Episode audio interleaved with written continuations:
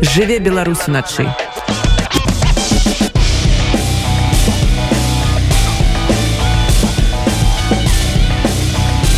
беларускія ноцы Напрыканцы верасня ініцыятыва байпол абвясціла аб стварэнні ў розных гарадах Еўропы сеткі харугваў. У іх беларусаў аб'ядноўваюць для заняткаў фізічнай, тактычнай і іншымі відамі спецыяльнай падрыхтоўкі. Менавіта такія арганізацыі павінныя будуць абараніць незалежнасць Беларуся. Пра тое, якім чынам можна патрапіць у харугву, як праходзяць трэніроўкі і ці ўсе ўдзельнікі аб'яднання гатовы браць у рукі зброю, размаўляем з прадстаўніком варшаўскай харугвы з пазыўным Олаф. Олаф, вітаю. Приветствую вас. Ну і для пачатку распавядзі звычайным нашим слухачам якія можа не до конца ведаюць что такое харугва харугва это вообще объединение людей которые готовы именно поучаствовать в плане освобождения беларуси и это абсолютно разные люди то есть э, бытует наверное мнение сейчас что в харугве приходят люди исключительно там бывшие военные либо какие-то участники организации по типу Белого легиона и иных других парамилитарных структур. Это не так. Люди абсолютно разные. То есть, э, если посмотреть на тех, кто туда приходит, это люди абсолютно разного возраста, абсолютно разные жизненные вот истории. Мужчины, женщины, это все. Доходит до того, что можно увидеть людей, которые по идеологиям до всего этого были абсолютными врагами. К примеру, какие-нибудь фашисты, антифашисты, тому подобное вот э, взгляды встречаются в одном месте, и конфликтов не возникает. Потому что люди отложили свое прошлое ради вот этой вот идеи. Здесь, конечно, тоже стоит подчеркнуть, что люди реально с разным жизненным опытом, разным образованием, разной подготовкой. То есть здесь можно встретить и профессионального военного в прошлом, и человека, который не то что не помышлял о военной стезе, но о ней и не особо много знает. И этих людей в Харугвах мы в любом случае обучаем, готовим. И что удивительно, среди них очень часто проявляются таланты. Причем таланты в довольно разных направлениях. И отчасти задача Хоругви – это найти вот этих вот талантов и дать им возможность развиваться. Это может быть хороший администратор, хороший боец, хороший медик, хороший связист. Ну, в принципе, любая специальность, которую можно применить в жизни как вот во время реализации плана, так и после него, они применяются и обучаются. Надо понимать, что отчасти Харугви стали тоже неплохим проектом образовательным.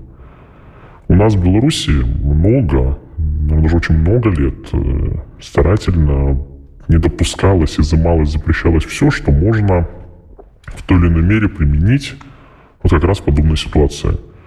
Тут речь и про стрельбу, когда из школ начали изымать э, даже последние мелкокалиберные пневматические винтовки – и ограничения на свободное занятие некоторыми вещами.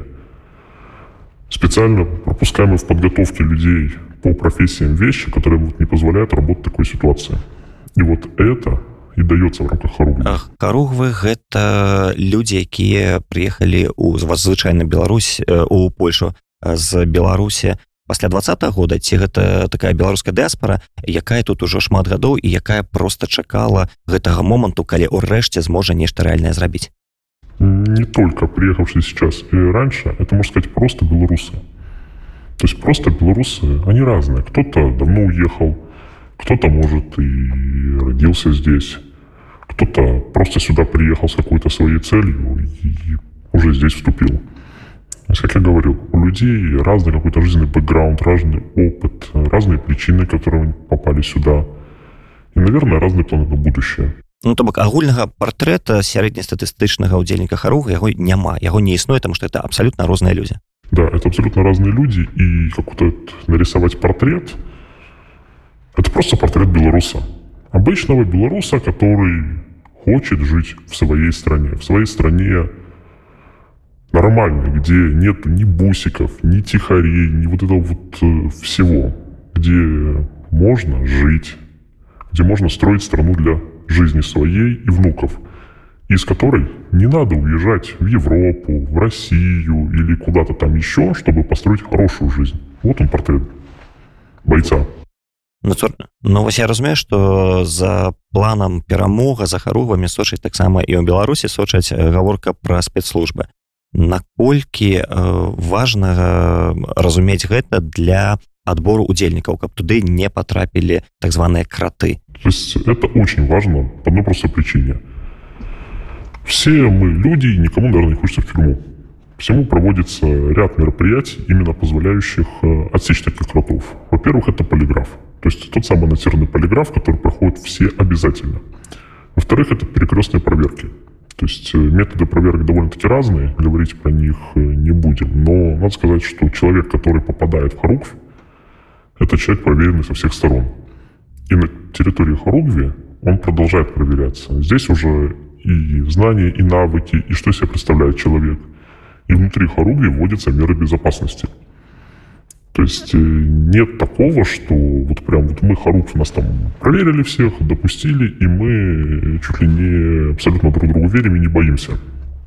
То есть здесь люди тоже в той или иной мере принимают меры безопасности, чтобы не попасть в эти вот э, списки, чтобы не стать фигурантами вот этой вот новой статьи, которую специально под Харугви сделали. То есть, опять же, довольно-таки интересный момент – когда Харуги признали экстремистскими и начали за это дело грозить семью годами, у нас в это было объявлено людям. Реакция была довольно смешной. То есть люди смеялись, смеялись до упаду с этого. И, наверное, наиболее точным определением реакции людей было, ну, значит, нас боятся, и мы все делаем правильно.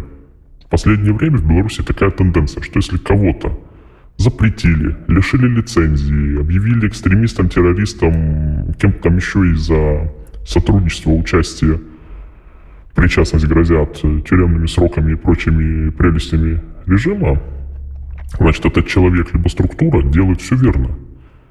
Наверное, объявление Харугви экстремистскими и угроза семью годами за даже передачу информации – это знак качества. Это знак качества и знак того, что нас баяцца у харухве можа быць пэўная колькасць людзей ці яна абмежавана вось як гэта выглядае не конкретно кажам пра ліж вот колькі чалавек у варшаўскай харове але кажам пра абмежаванне ёсць такое то что людзей ж можна трэніраваць але таксама як школьны клас там 25 чалавек 40 чалавек ты ўжо не навушыш аднолькава якасна вспоминая даже историю что такое были хоругви ограничений то особых не было. То есть каждый город выставлял столько бойцов сколько смог и здесь то же самое. То есть это условно региональная медицинская система, как в Швейцарии, где люди проходят обучение, получают какую-то экипировку, и они готовы вступить в бой. И даже вот просто берят уже Швейцарию. Есть города, в которых там 300 тысяч, а есть деревни 10 человек. Вот она разница по хоругвям. И обучение, в принципе, всегда можно подстроить так, чтобы все люди были обучены. Это просто дело административное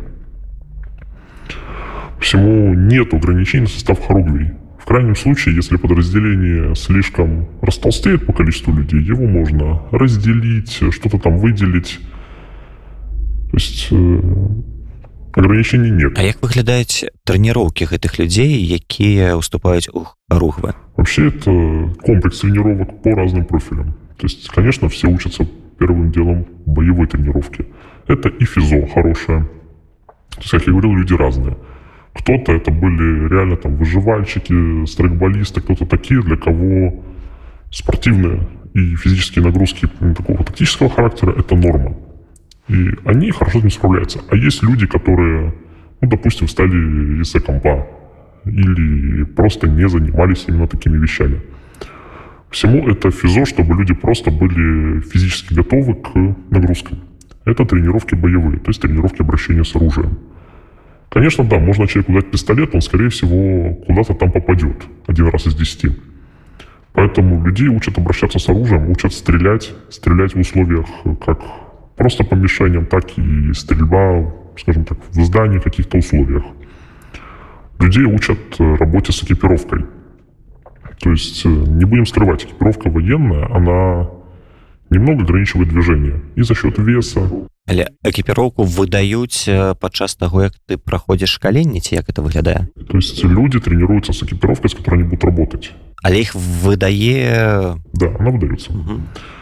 и люди которые вот именно с ней тренируются они к ней привыкают до того уровня что есть уникумы которые полноценно с утра бегут в бронежилетах надо сказать эта тренировка именно хорошая на выносливость и ну, люди просто постепенно привыкают к тому примерно, что дают во время армейского КМБ.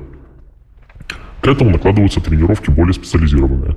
То есть здесь работа со связью, потому что работа с той же радиостанцией, она требует определенных навыков. Это и тренировки по вождению для тех, кто умеет водить. То есть э, водить это классно, но водить в условиях там, бездорожья, в условиях каких-то экстремальных довольно-таки трудно. И это тоже постепенно обеспечивается. Обеспечивается обязательно тренировка по медицине. То есть каждый человек в Харугве, он обязан уметь оказывать базовую первую помощь себе и соседу по строю. Те, кто наиболее толковые, соответственно, уже продвигаются для спецобучения по медицине, вплоть до довольно серьезных вещей. И это нам позволяет э, обеспечить в Харугве такую группу людей, которые просто окажут помощь, учитывая, что Харугв это все-таки подразделение боевое, и травмы будут, будет э, разное, надо быть готовым оказать помощь. Але для гэтага патрэбны нейкія медычныя скілы то бок туды прыходзяць медыкі студэнты якія закончылі медычны універсітэт нейкія практыкуючыя дактары ці можна з любога чалавека цягам пэўнай колькасці часу зрабіць вось такога лекара санітара. В принципе как показывает опыт армии да и опыт здесь обучить человека базовому оказанию первой помощи можно любого. То есть даже по странам Евросоюза очень много курсов обучения там, базовой первой помощи, квалифицированной первой помощи. Мы обучаемся чуть другой первой помощи, то есть это специализированные военные протоколы, которые были адаптированы под ситуацию и под ту экипировку, которой мы обладаем. Но научить можно любого. Вопрос, как далеко этот человек сможет зайти по своим навыкам и по своей психике. Потому что медицина является довольно трудной вещью. В том плане, что тактическая медицина, она, к сожалению, очень сильно завязана на то, что вы увидите то, что находится внутри человека. И видите это будете довольно регулярно. И поэтому в рамках тренировок мы не гнушаемся применять э, довольно хорошие техники симуляции в плане специальные манекены, специальные какие-то аналоги содержимого человека, вплоть даже до того, что просто закупаются субпродукты животных, которые применяются как имитаторы. Очень хорошо приучает людей к тому, что можно увидеть. То же самое касается всех тренировок. То есть все тренировки проходят максимально симуляции того, что может произойти. Здесь и шумы боя, и разные вещи. То есть в тех же медиков, допустим, доводилось уже стрелять из стрейбольного оружия, чтобы их приучить к тому, что в них стрелять будут. То же самое касается тренировок э, по тому же вождению, по физо. То есть это не собрались люди побегать по стадиону или по какому-нибудь экотропе. Это бегают по лесу, по пересеченке, по снегу свежевыпавшему, и в рамках этого, тоже переходя опять же к медицине, мы понимаем, что тренировки связаны с риском травм, заболеваний, всего такого. Поэтому в Варшавские Хоругви развернулась э, так называемая база полевого госпиталя. То есть э, то, что я говорил ранее, как раз это развертка полностью системы, оно принимает э, дополнительные какие-то модули. Полевой госпиталь – это значит то, что люди, которые пострадали в рамках каких-то тренировок, то есть травм у нас серьезных не было, но человек, допустим, подмерз, э, человек там, не знаю, поранился, мы можем ему оказать помощь. У нас есть место, где этого человека просто, если, если он там, допустим, э, сильно замерз, можно привести и положить греться. Можно этому человеку какую-то помощь оказать. И это стало основой системы полевых госпиталей которая поедет с нами в день X в Беларусь. То есть это будут э, объекты, в которых мы будем оказывать помощь очень профильно. И там работают уже именно специалисты-медики. То есть подчеркнутые там студенты-медики, подчеркнутые практикующие врачи, люди, которые очень хорошо обучены, но не медики. И их задача будет именно спасать жизни в тех ситуациях, когда человек очень сильно нуждается в медпомощи. К этому, почему затрагивал именно водителей, разрабатывается медевак. То есть группа людей, группа людей техники, даже можно сказать, задача которых вывести пострадавшего с поля боя в этот самый мобильный госпиталь. Это очень сложно, потому что нужно отбирать реально хороших водителей и людей, которые будут в состоянии человека вынести, загрузить в эту машину, соответственно, доехать и в процессе его частично подлечить, частично просто стабилизировать состояние и привести. И, конечно же, наши медики поля боя. Это ребята, которые, наверное, наиболее отважные из тех, что я видел, просто по той причине, что отчасти их задача во время боя – это, не теряя голову, оказывать помощь. Это довольно сложно по одной простой причине, потому что этим людям приходится объяснить одну вещь, что к раненому, который посреди огневого контакта где-то лежит, мы не бросаемся. Нет смысла потерять медика в этом рывке. Мы окажем раненому помощь несколько позже. И, в принципе, доблесть этих ребят в том, что, как показывает практика 2020 года, особое отношение было к медикам. То есть их помечали краской, их били, с ними творили ну, довольно жуткие вещи. И поэтому человеку, который пошел именно по этой стезе, то есть и солдат, и медик, очень большое уважение. Просто потому, что человек понимает, на что подписывает. А з медыкамі і з салдатамі працуюць розныя псіхолагі ці не як это адбываецца Таму что і там і там вельмі моцны псіхалагічны ціск але падыходы павінны быць адрозненыя в принципе с медиками сталтами працуют психологи более-менее одни потому что военно-полевой медик он в первую очередь военный и давление на людей в принципе одинаковое просто что у военно-полевого медика специалиста оно чуть-чуть больше уходит в медицину но в любом случае стрессовые условия те же самые. И, к сожалению, последствия те же самые. Об этом тоже мы думали. Думали, в принципе, много, консультировались с специалистами. Поэтому очень важным моментом будет то, что создается служба психологической помощи. Все, кто пойдут в бой, у них будут определенные психологические проблемы, травмы, траблы, которые нужно решать. И это нужно подготовить заранее. То есть у нас есть профессиональные психологи, которые прошли, наверное, самую лучшую подготовку, которую можно увидеть. А конкретно 2020 год. Это те люди, которые были под ИВСами, под СИЗО, под ЦИПами.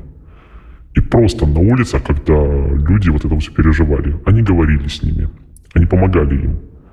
Да, это отпечаталось на этих людях. Да, им тоже нелегко. Но они готовы помогать, и они готовят других людей, которые помогут. Потому что эта травма и вот эта вот боль, она, в принципе, общая для всех. И при должном желании можно обучить этих людей.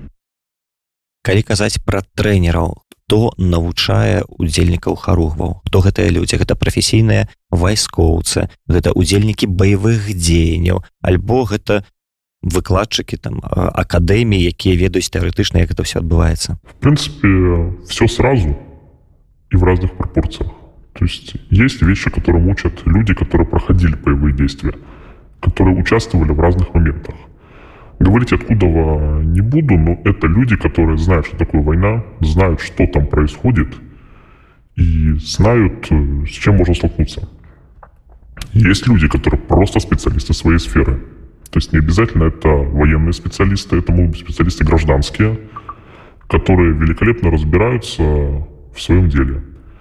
И могут быть люди, которые конкретно занимались этим всю сознательную, скажем так, жизнь. И очень хорошо в этом разбираются. Очень интересно замечать, когда разговариваешь с людьми в хоругвях, сколько вот, кажется, простых-то белорусах интересных идей, интересных навыков – то есть меня поразило, что, вот, допустим, человек вышел из строя и сказал, знаете, а я хороший связист, вот э, я всю жизнь там интересовался, дайте мне паяльник, кучу запчастей и то, что я попрошу. И я думаю, что мы свяжемся с кем угодно. Вышел человек, знаете, а вот я, к примеру, вот это хорошо умею делать. И этим людям дается зеленый свет. Разрабатывайте, делайте, если это работает, это отлично, мы это внедрим. Любое вот такое вот э, предложение, любая такая идея и что-то работающее становится очередным кирпичиком в строительстве новой Беларуси И в строительстве той службы и системы, которая в какой-то момент просто должна сработать и принести победу. але дзеянні усе усіх харугваў яны нейкім чынам уніфікаваныя беластоцкая харугва віленская і варшаўская тактычна медычна дзейнічаюць аднолькава ці не есть единые планы то есть здесь опять же пример медицины пример медицины совмещен с важнейшим наверное анонсом все слышали интервью Олафа на Белсате и то что он говорил сейчас еще раз анонсируется то есть я Олаф опять же говорю про то что единая система медицины не только для хоругвий вообще для всех кто пойдет в Деникс создана и запускается. И это будет касаться абсолютно всего. То есть наша задача – это максимально сделать все единым. Опять же, пример нашей медицины. Абсолютно одинаковые аптечки с абсолютно одинаковым наполнением. То есть есть утвержденные комплекты, где вплоть до цвета упаковки бинта все прописано. С какой это делается целью? С той целью, чтобы чью бы аптечку, какой бы хоругвень, какого бы подразделения мы не открыли, мы увидели то же самое. Чтобы каждый знал, как этим пользоваться, и буквально вслепую мог извлечь нужный предмет. То есть, к примеру, все будут знать, что бинт в серой упаковке применяется для перевязки руки в боевых условиях. Или все будут знать, что вот этот вот предмет применяется для того-то и пользоваться им так. То есть получаемые навыки доводятся буквально до автоматизма. И каждый из э, нас, как участников всего этого, он должен стать профессионалом в этом деле. Такой тоже немного момент, касающийся той самой медицины, который очень хорошо показывает, насколько это все будет унифицировано. Сейчас, в случае, если взять медиков э, с разных мест, они приезжают сюда учиться, приезжают сюда тренироваться, поскольку здесь есть доступ к довольно-таки серьезным системам симуляции. Они абсолютно спокойно работают вместе и на одном рюкзаке. По одной простой причине. Абсолютно одинаковые протоколы, абсолютно одинаковое обучение. И они договариваются между собой на интуитивном уровне. И вот это и есть цель всего этого, чтобы все мы понимали друг друга просто без слов. Сейчас очень важная вещь не только для вооруженных сил, не только, наверное, для, для диаспор, для каких-то инициатив политических, вообще для всех. Это объединиться. То, чего, наверное, очень не хватает сейчас, это вот это вот ощущение единства. В том плане, что вот был 20 год. Люди были очень сильно видны. Мы выиграли выборы мы победили. Вот это вот э, те дни на улицах, пока не началась вот эта вот э, вся ситуация, они э, давали невероятное ощущение. Я был там. И видеть, как сейчас э, народ просто пытается это пережить, очень сложно. Поэтому я очень прошу всех белорусов сейчас, объединяйтесь, будьте вместе. То есть сейчас нам как никогда важно быть вместе и быть едиными это будет вот как раз та вещь, которая приведет нас в новую Беларусь, наше единство. Вы разумееце як за гэтыя апошнія два гады беларусы ад такой нацыя якая станавілася басымі нагамі на лаўке цяпер разумее што супраціў можа быць толькі гвалтоўным узброеным як адбыўся гэты момант змены нашай свядомасці во-первых сопротивление не только вооруженное гаворка про прадуктыўны супраціў Да, продуктивное сопротивление нужен не только вооруженное. То есть не стоит э, говорить про то, что только вооруженные силы придут к победе. На самом деле хорошее сопротивление – это единое сопротивление по всем направлениям. Но да, у людей меняется идея того, что, к сожалению, цветочки, объятия и мирные лозунги уже не помогают. Очень много Лукашенко говорит о том, что мы террористы, мы там собираемся разрушить страну и прочее такое. Так стоит обратить внимание на одну вещь. А кто их создал? Кто отдал приказ избивать мирных людей? Кто дал приказ стрелять по ним? Убивать их? Это он отдал этот приказ. И террорист здесь он. Поэтому очень сложно сказать, что это вооруженное сопротивление. Это скорее защита своей страны. Белорусы это поняли просто по одной простой причине. сколько не было попыток э, мирного, какого-то более-менее спокойного решения конфликта, это не работает. И поэтому люди прибегли к, наверное, последнему и самому действенному методу, то взять в руки оружие. Здесь обращаюсь даже к Конституции США, которая прямо позволяет своему народу, американскому, если иные другие методы защиты демократии и своей страны исчерпали себя, вооруженное восстание. То есть белорусы пришли именно к этой идее, что другие методы борьбы, к сожалению, исчерпали себя. Остается только прийти и взять свою свободу. Калі вяртацца да трэніровак, як часто яны адбываюцца? Тренировки отбывают, происходят максимально часто. То есть буквально доходит до того, что в некоторых моментах это люди работают без выходных. То есть работают, тренируются, тренируются, работают. Случаются тренировки просто вечером. То есть люди после работы приезжают и тренируются. Потому что, допустим, сегодня нам погода, какие-то там условия климатические или что-то еще позволяет сделать ту или иную вещь. И помимо тренировок таких вот общих или группами, существуют тренировки индивидуальные. Это, конечно, на совести каждого, но многие люди взяли себе за привычку тренироваться под тем или иным направлением самим. То есть это и пробежки с утра, это какое-то занятие спортом, это и до того, что есть люди, которые просто за свои деньги покупают какие-то специальные курсы для себя. Чем хороша Европа? Здесь за определенную сумму денег можно идти почти любые курсы, и вопросов задавать не будут. То есть мне известны случаи, когда люди специально шли на курсы экстремального вождения, когда люди специально шли на курсы по тактической медицине, когда люди шли на какие-то курсы стрелковые тому подобное. Просто потому, что человеку хочется развиваться.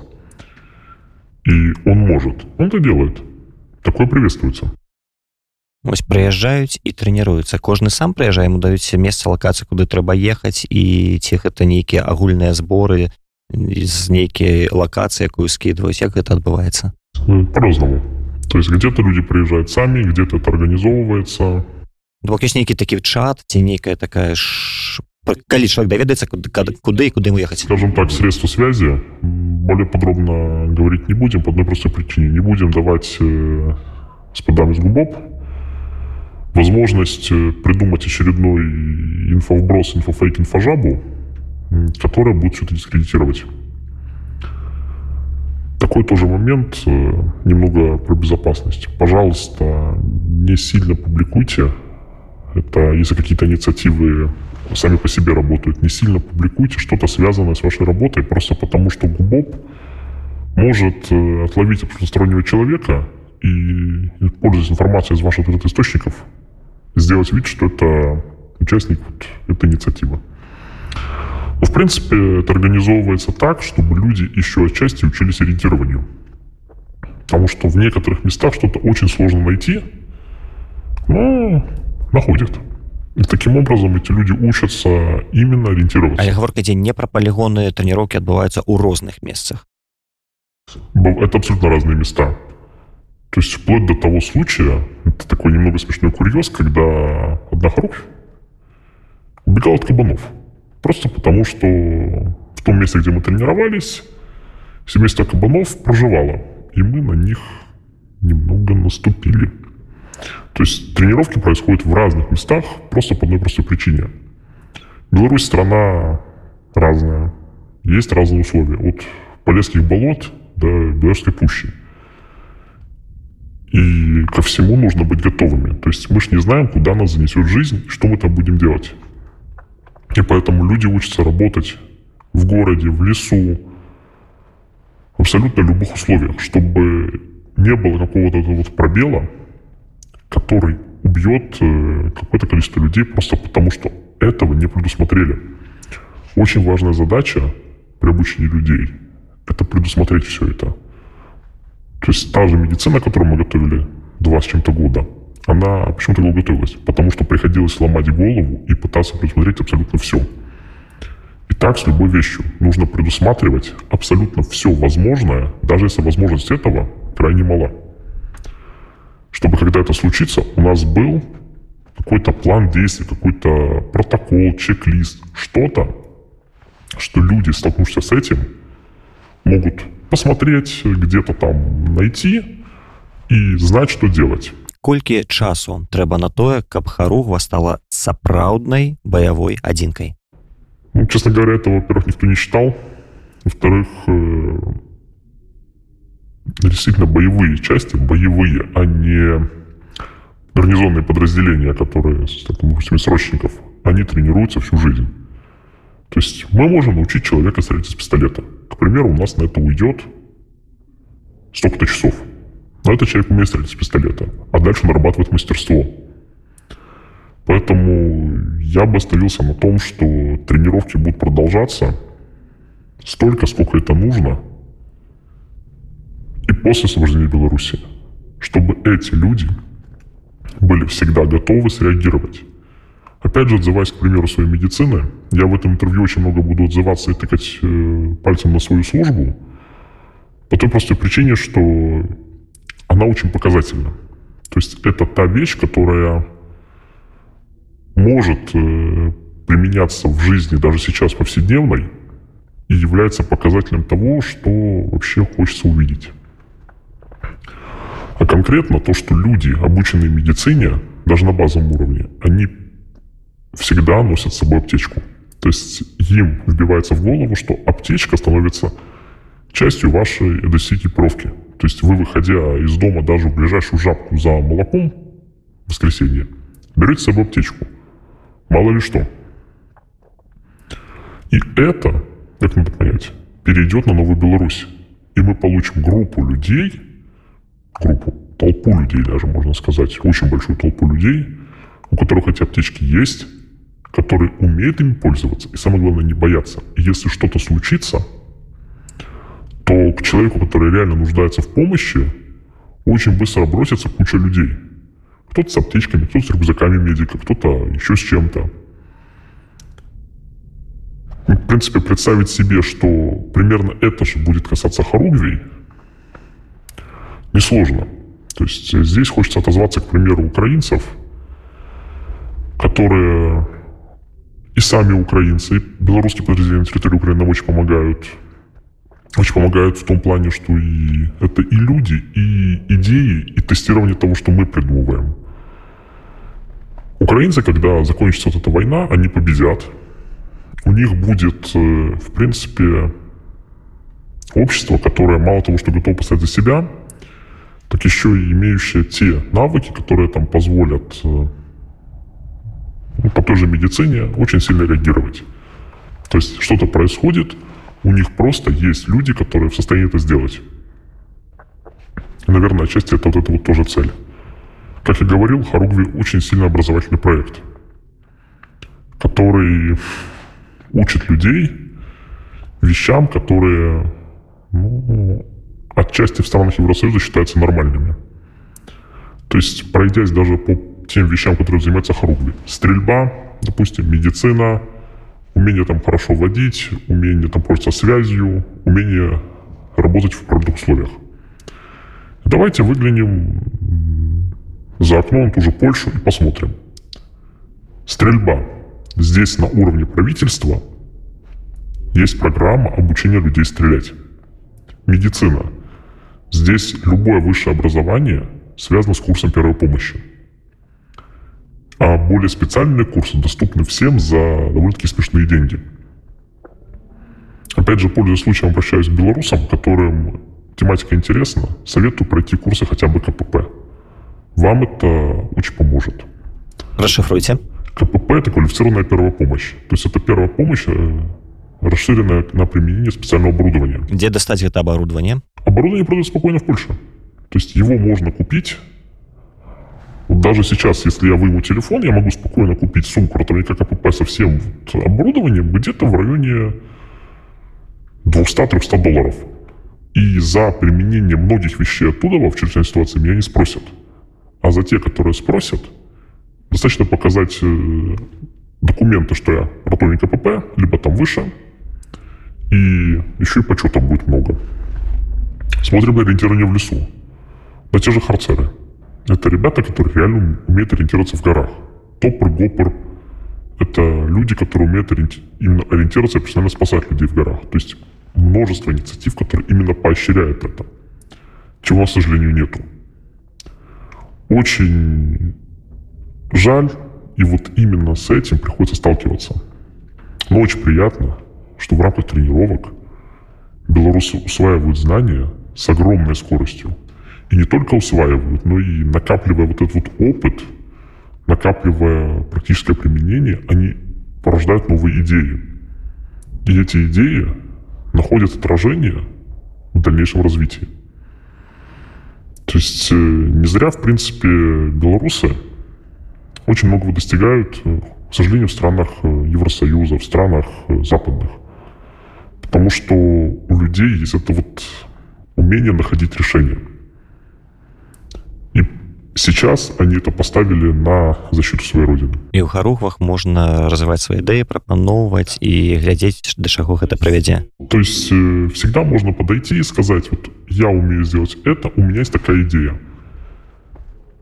В большинстве случаев, кроме там, ну, откровенно каких-то глупых идей, человеку дадут время подумать, э, либо там написать на компьютере скажут это, либо дадут пачку бумаги и ручку.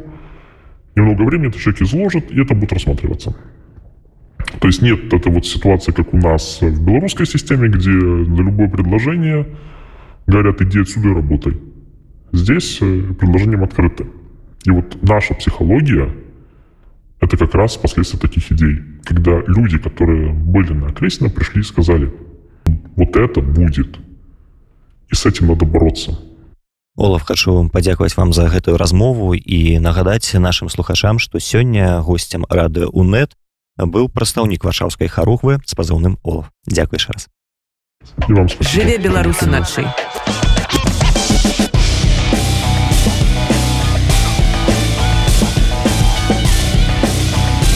беларускія ноцы